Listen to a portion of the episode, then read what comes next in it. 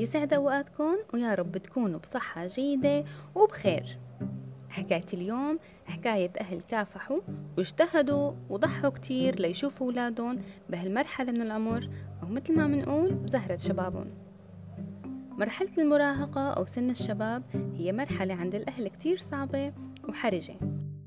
ولازم تكون العيون والإيدين والأذان مفتحة كتير منيح جاهزين لأي فعل ما متوقعينه منهم.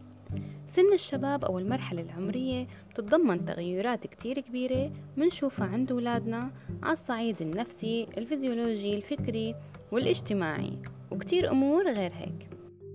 وأهم شي طبعا إنه نكون واعيين ومتقبلين تصرفاتهم ونكون الموجه اللي بياخد الأمور بالروح الحلوة مو بالصرامة والحزم.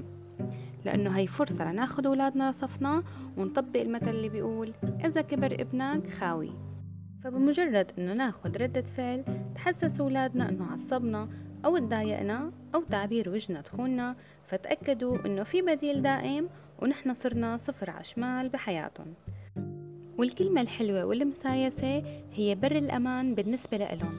ونحن المرجع الأخير وبيت أسرارهم اللي ما بيخفى علينا شي وخلونا نفكر ونحط ببالنا إنه محتاجين دايما لحضن دافي وضمة حنونة ولا تقولوا صاروا كبار لأنه إذا ما كنا المعطي في غيرنا وكتار.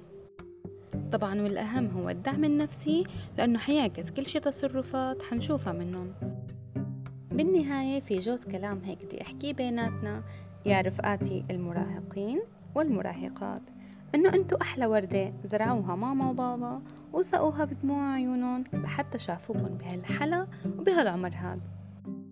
أي كلمة لأ أو أوعي أو أوعى تعمل هيك هذا أبدا مو تحكم ولا تسلط عليكم هذا خوف وحرص وتجارب مرقت معهم وكانوا هن كبش الفدا وتعلموا من أغلاطهم وما في داعي تتكرر هالتجربة. أكيد كتار من رفقاتكم بأيد رأيكم وبيدعمكم بس صدقوني ما في مثل خبرة الأهل وخوفهم ومحبتهم لإلكم. عندي فكرة حلوة وإذا عجبتكم يا ريت تعملوها. شو رأيكم نعتبر أهلنا كتاب؟ وكل يوم نقرأ صفحة من الحكاية اللي مرقت على راسهم. وتجربة بتشبه تجربتكم. وقارنوا ما بين يلي عم يصير معكم حاليا واللي صار معهم بالماضي. والقرار بالنهاية بيرجع لإلكن ضلوا بخير والله لا يتوه رأيكم.